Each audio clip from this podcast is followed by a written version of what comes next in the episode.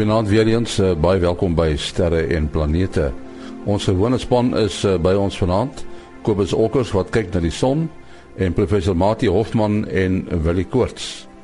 Maar voor ons met hierdie mense gesels, eers ruimtenis wat geskryf is deur Herman Turin in Bloemfontein.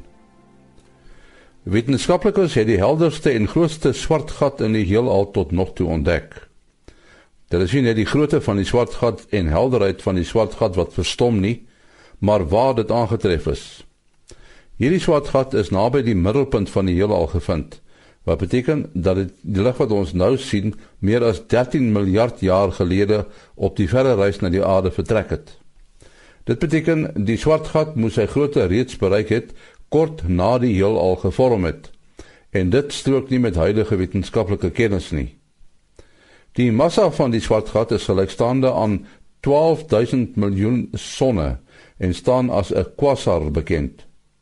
Die swart gat in die middel van ons eie Melkweg is maar net 4 tot 5 miljoen sonne se gesamentlike massa en is veel ouer as dit wat ons nou van die bilie ver van ons te sien kry.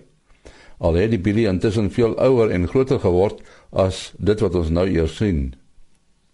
Boonop is die nie ontdekte swart gat so helder verlig dat dit as die vuurtoring van die verre heelal genoem word. Die lig wat afgegee word is gelykstaande aan 420 000 miljoen sonne. Die lig word afgegee deur die enorme hoeveelheid energie wat afgegee word wanneer die swart gat sterre en ander materiaal insluk. 'n Swart gat self is so donker dat selfs nie lig uit dit kan ontsnap nie. Die helder lig is egter buite om die swart gat en volgens huidige kennis kon 'n swart gat nie so gou na sy ontstaan tot die enorme grootte ontwikkel het nie. 'n Voordeel is dat die lig so helder is dat wetenskaplikes dit nou onderweg na die aarde kan bestudeer en vasstel deur watter materiaal dit trek. Die Europese Ruimteagentskap bied 'n unieke saamry-geleentheid aan 'n aantal kubersatelliete wanneer die agentskap 'n tuig stuur om 'n landingstuig op 'n asteroïde te laat land. Die sending word vir 2020 beplan. Daar sal plek wees vir 6 sulke mini-satelliete. Maar die agentskap meen dit sal meer sin maak as twee satelliete wat elk uit 3 mini-satelliete saamgestel is, die reis na die buitenste ruimte meemaak. Die bestemming is die Didymos asteroïde wat uit 'n hoofliggaam, 'n asteroïde met 'n deursnee van sowat 800 meter bestaan en 'n kleiner een van sowat 170 meter in deursnee wat soos 'n maan om die grootte wentel. Die asteroïde reis in 2022 11 miljoen kilometer van die aarde af verby. Tot sover ruimte nis wat geskryf is deur Herman Turin in Bloemfontein. En nou Kobus Olkers met die jongste son weer. Goeienaand en goeienaand luisteraars. Ja, ons was hierdie week uh, weer 'n bietjie besig geweest daar het toe die die koronagatjie wat ek verlede week van gepraat het, het ingeroteer. En ons het 'n bietjie uh, verhoogde sonwindspoed op die oomblik. Ons het ook twee aktiewe areas wat redelik vinnig begin groei het verlede week en hulle is beide nou geo-effektief en hulle het potensiaal vir M-klas vakkels wat beteken dat ons weer 'n bietjie sterings kan kry. Ehm um, ons moet hulle maar nou geniet terwyl ons hulle het want die son is besig om al hoe stiller te raak. Uh dan verder het ons 'n paar filamente. Ehm um, enetjie wat ook nou geo-effektief is as hy sou val, dit lyk amper asof hy kan platval dan het ons 'n hyder fakkel wat weer vir ons kan sterings gee op ons langafstandverbindings en dalk selfs met ons uh, geomagnetiese Goed en dan is daar 'n ander enetjie wat nou so op die randjie van die son sit. Hy kan dalk opstyg maar al wat hy vir ons gaan gee is 'n baie mooi beeld van die son, maar hy gaan nie eintlik enige probleme op die aarde veroorsaak nie. Ehm um, so dan het ons uh, nou net vir die volgende week het ons nie eintlik veel van 'n koronagat probleem nie. Daar's 'n kleintjie wat inkom. Hy kan dalk 'n bietjie groei.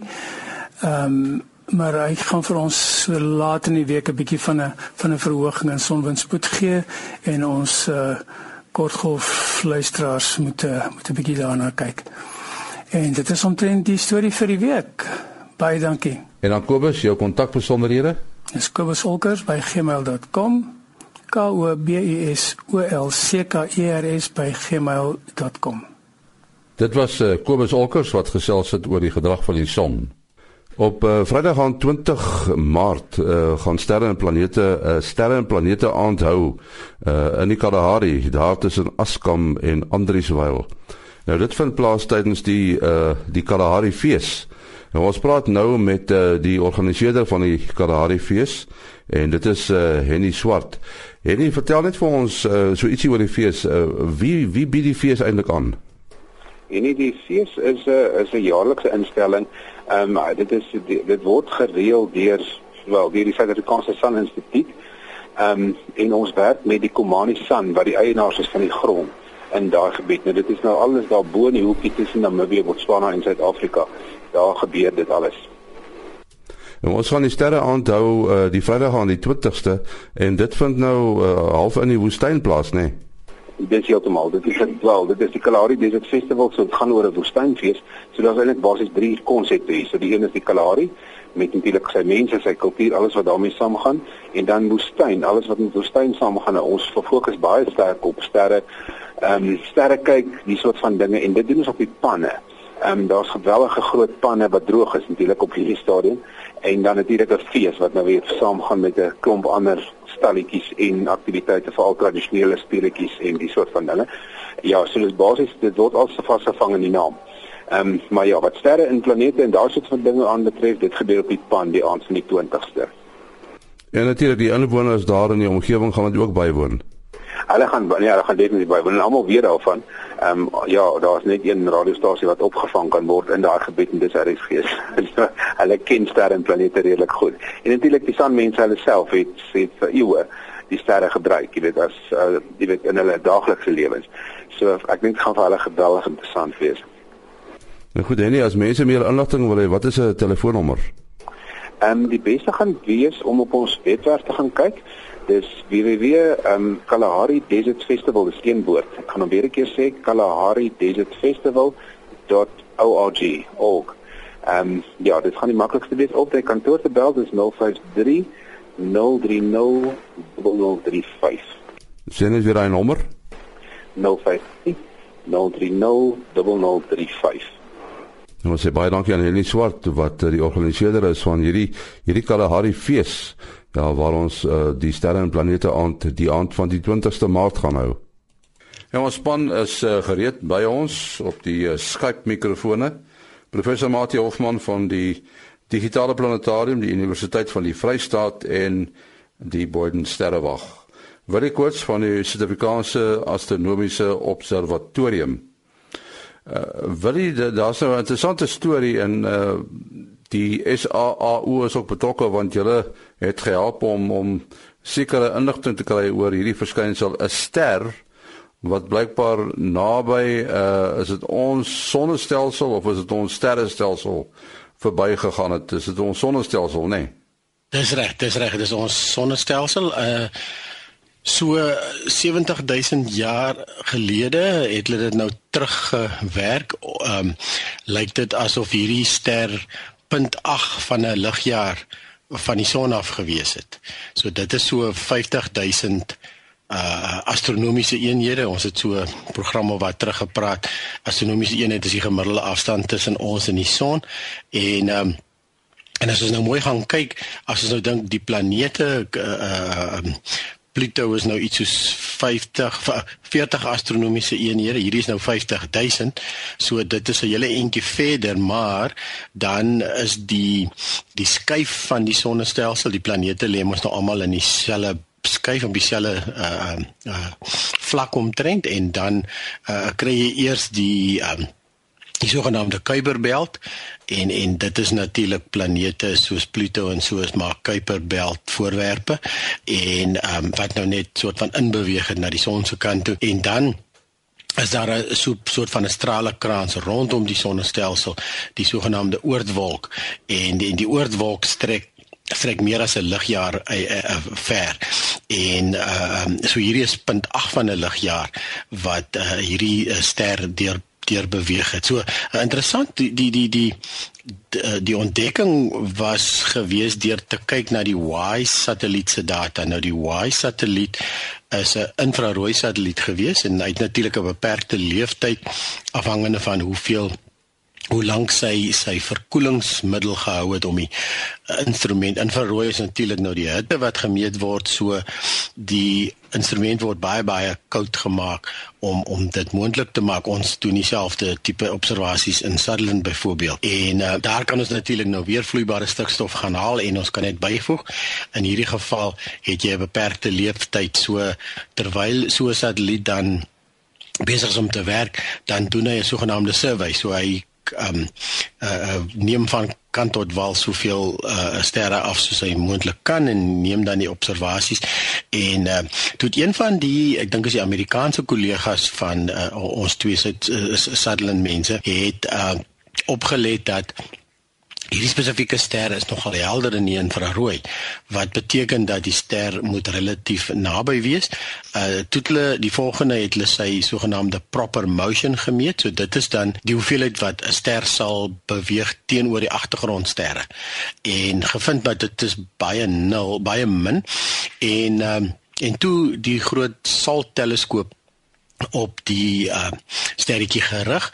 Gelukkig val hy binne in die annulus wat wat sal kan sien en uh toe agtergekom met die spektrograaf en nou die spektrograaf is dit is amper dieselfde proses waarmee die verkeersbeampte jou vang uh met 'n spoedlokval. So uh, jy kan dan deur die Doppler verskywing uh wat ons ken as 'n ambulans verbykom en hy die nood verander, dan uh kan jy die spoed meet. En toe agtergekom dat die sterretjie beweeg teen 'n geweldige snelheid uh um, weg van die aarde af, van die son natuurlik nou of kan jy mens sê want dit is maar net sowel die aarde op hierdie afstand. Uh die ster is op die op die um oomblik is die ster so 20 ligjaar weg van ons af. So uh uh toe hulle die die sommetjies begin omwerk want dit is nou interessant die ster beweeg nie suidelings nie maar beweeg amper direk weg van ons af. Uh wat beteken dat as jy dit dan terugwerk kan jy agterkom dat die sterretjie moes op 'n stadium is eintlik twee sterre wat ons miskien oor kan praat maar moes op 'n stadium dan uh uh um, hierso baie na aan die sonnestelsel verby beweeg het. Ja, so dit dis twee sterre um, baie baie dof op die oomblik is dit so 8 10de magnitude wat beteken jy gaan 'n redelike groter geameteer teleskoop hier nodig hê om dit te sien dit is 'n breindwerg uh, ster, ster en 'n en 'n rooi dwergster. So die die breindwergster is maar so 6% van ons son. Uh so gelyk staan aan 65 Jupiter massas en dan die groter rooi dwergster is so 8.2% van ons son se massa of uh, 86 Jupiter massas. So die twee sterretjies is dan nou in 'n wentelbaan om mekaar. En dit hulle ook terugbereken dat uh, eh, 70000 jaar gelede uh, volgens wat ons nou teruggewerk het die ontstaan van die mense is uh, behoort die vroeë mens toe op die aarde rondgeloop het. En as ons nou aanneem dat hulle oë en ons oë min of meer dieselfde sou hulle nogtans nie hierdie ster kon sien aan die aan die naghemel nie. Dit is uh, het, uh, uitgewerk sou omtrent so magnitude 8 gewees het en uh, ons kan so afsien tot magnitude 6 die ster die ster uh, sou toe magnitude 10 gewees het en ons kan omtrent tot by magnitude 6 kyk. Ons het natuurlik 'n verkeerde omsaal 'n skaal so uh, tensy die sterretjie natuurlik 'n uitbarsting ondergaan het ehm um, sou hy nie uh, uh, of dan nou die twee sterretjies om mekaar uh, selfs nie eers uh, sigbaar gewees het in die, in die naghemel nie. Maar ehm um, hierdie binêre stelsels is is bekend daarvoor dat hulle partymal uitbarstings ondergaan. So die een steel materiaal van die ander ene en uh sy chemiese samestelling verander en dan en dan skielik kry jy dat so ster 6 uh, tot 8 maal helderder word as wat hy normaal is. En en uh in daai geval sou dit wel moontlik gewees het dat uh ons voorgangers 77000 jaar dalk iets kon gesien het. Wil jy nou 'n hele klompie fascinerende getalle uh genoem uh, net om vir die luisteraars se perspektief te gee. Op die naaste het hy gesê was die ster in die omgewing van net onder 1 ligjaar vanaf die aarde. So dit maak dit 4 maal eintlik nader aan 5 maal nader as die naaste ster op die oomblik Proxima Centauri. Uh so dit sê maar net hoe dis dan daar waar Alpha Centauri een van die twee wysersterre van die suiderkruis is. Uh en dit is ook op die afstand wat die oortwolk omtrent strek. So dit sou bepaalde invloed op die oortwolk kon gehad het, hom bietjie deurmekaar gekrap het. Dit sal nou ek weet nie of hulle nou al daaroor gespekuleer het nie dit sou dalk kon bydra tot komete wat in ons rigting geslinger is en dan die uiterste ander uiterste daar waar die ster nou is 20 ligjare dit kan ons vergelyk met die ander naby sterre. So dis nog een van die nader sterre dan. As mens nou vergelyk met Sirius wat ons nou vroeg aand sien as die helderste ster lekker hoog in die lug hier in Suid-Afrika op die oomblik is 'n uh, amper 9 ligjare.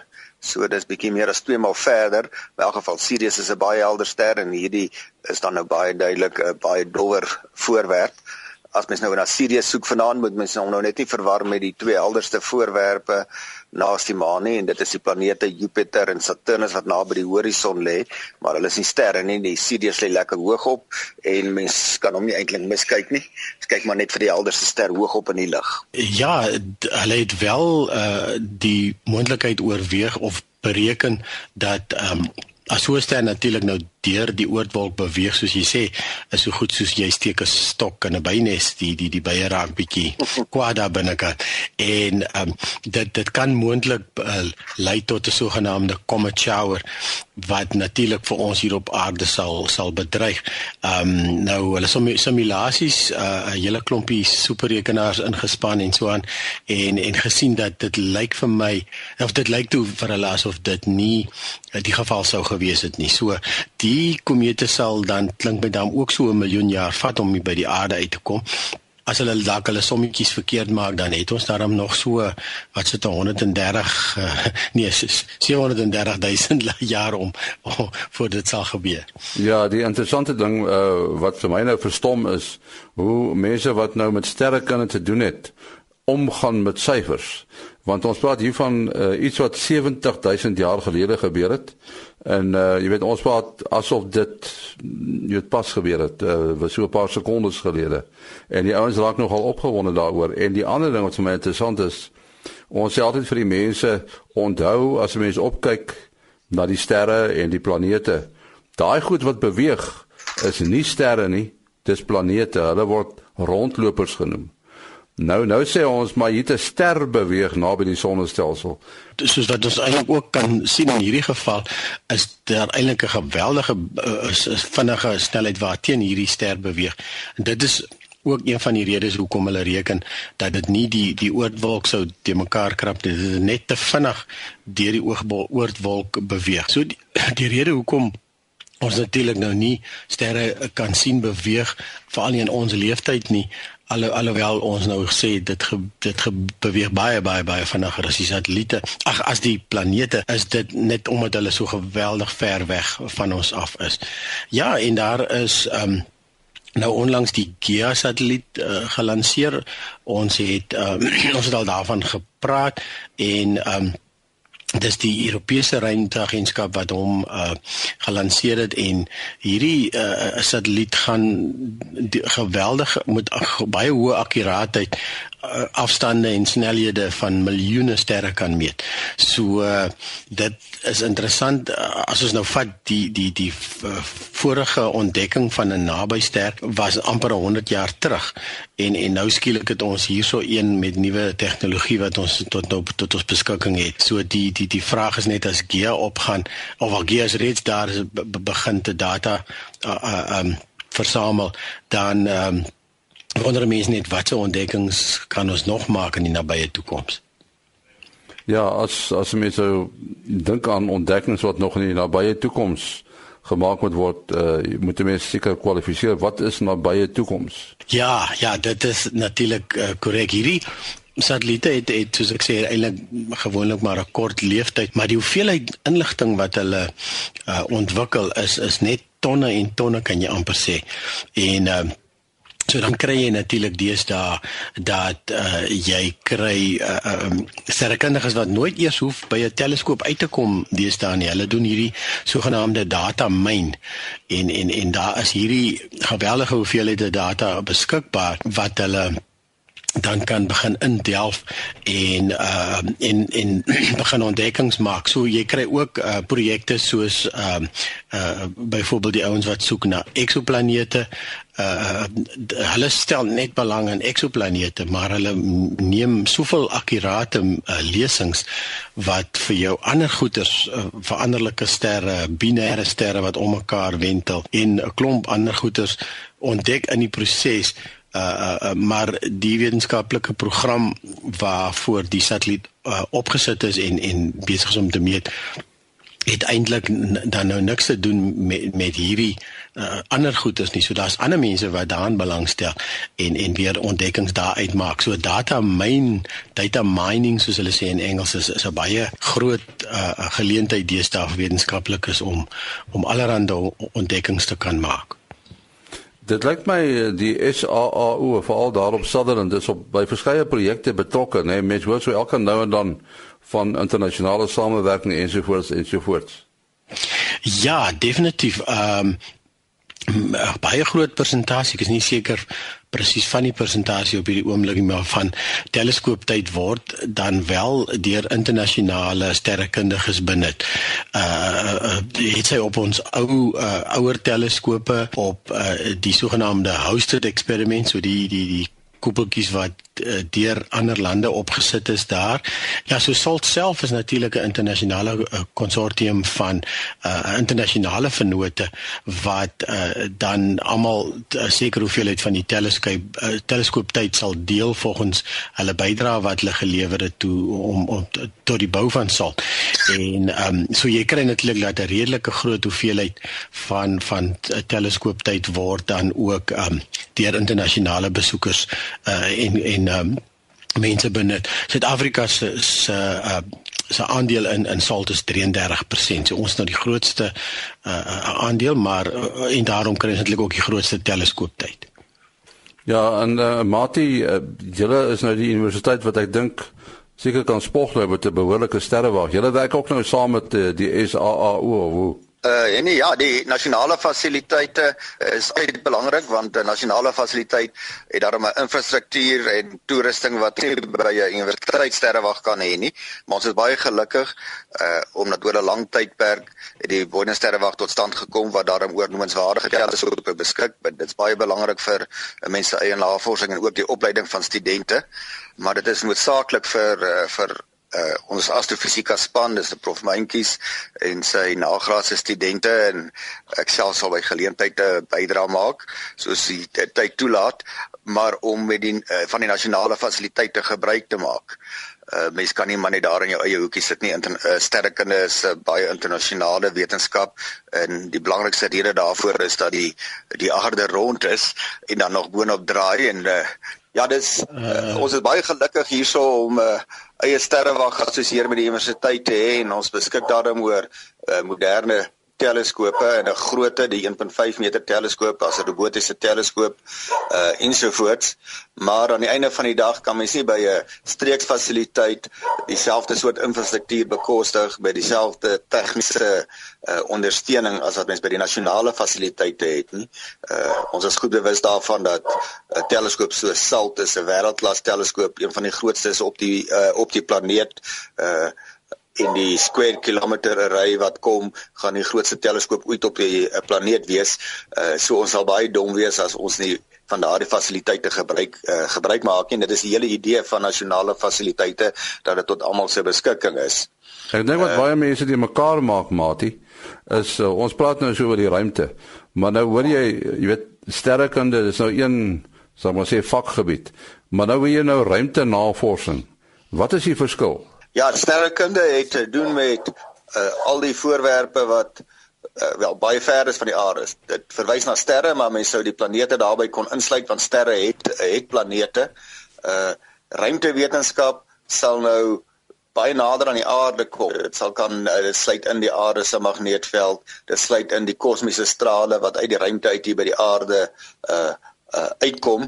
Uh, dit sluit die tegnologie in wat in die ruimte uh in die tyd van ruimtevaart uh, gebruik word. So ruimtevaart sou ek sê is of ruimte wetenskap is 'n bietjie nader aan die aarde.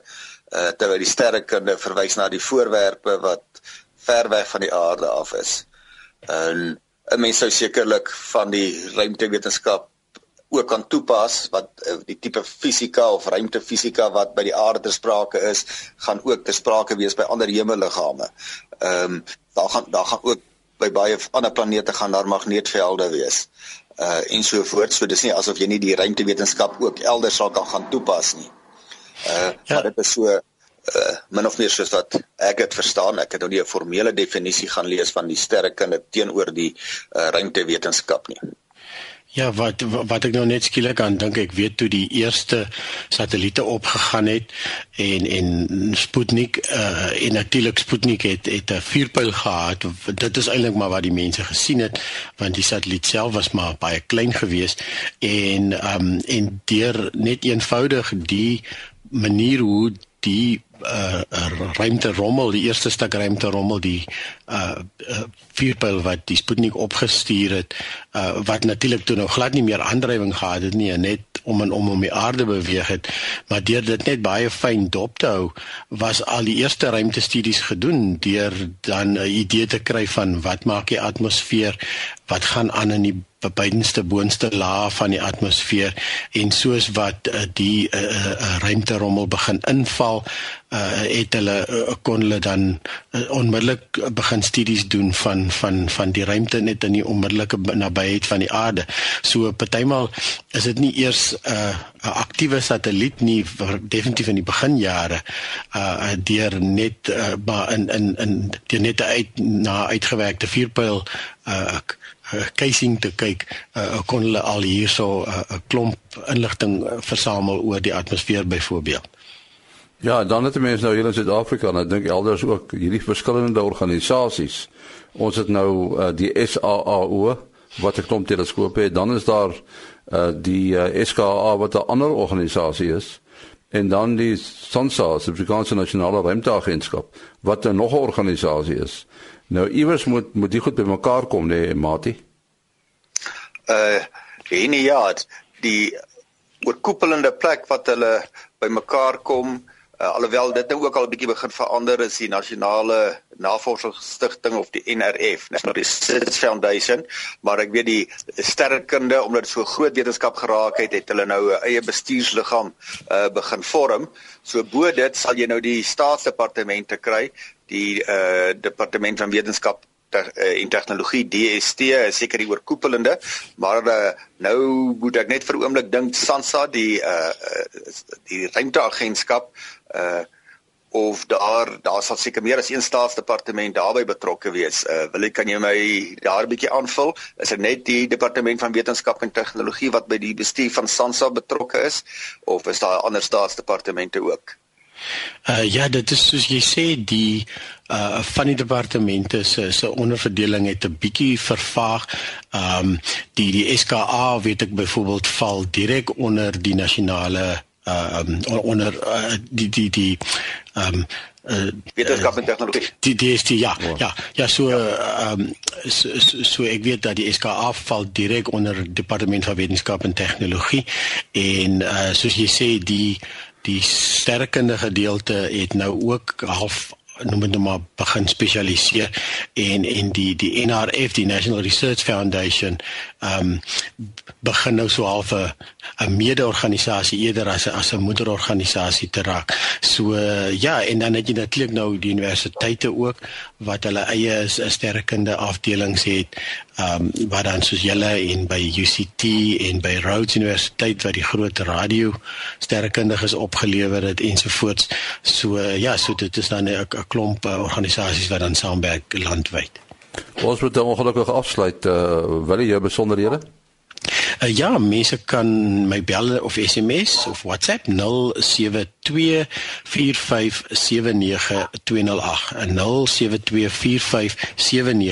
0724579208. En dan Mati? Uh selfoonnommer 0836257154. 0836257154. En uh, soos gewoonlik my e-posadres maas.henny@gmail.com. maas.henny@gmail.com. Tot de volgende keer. Mooi loop.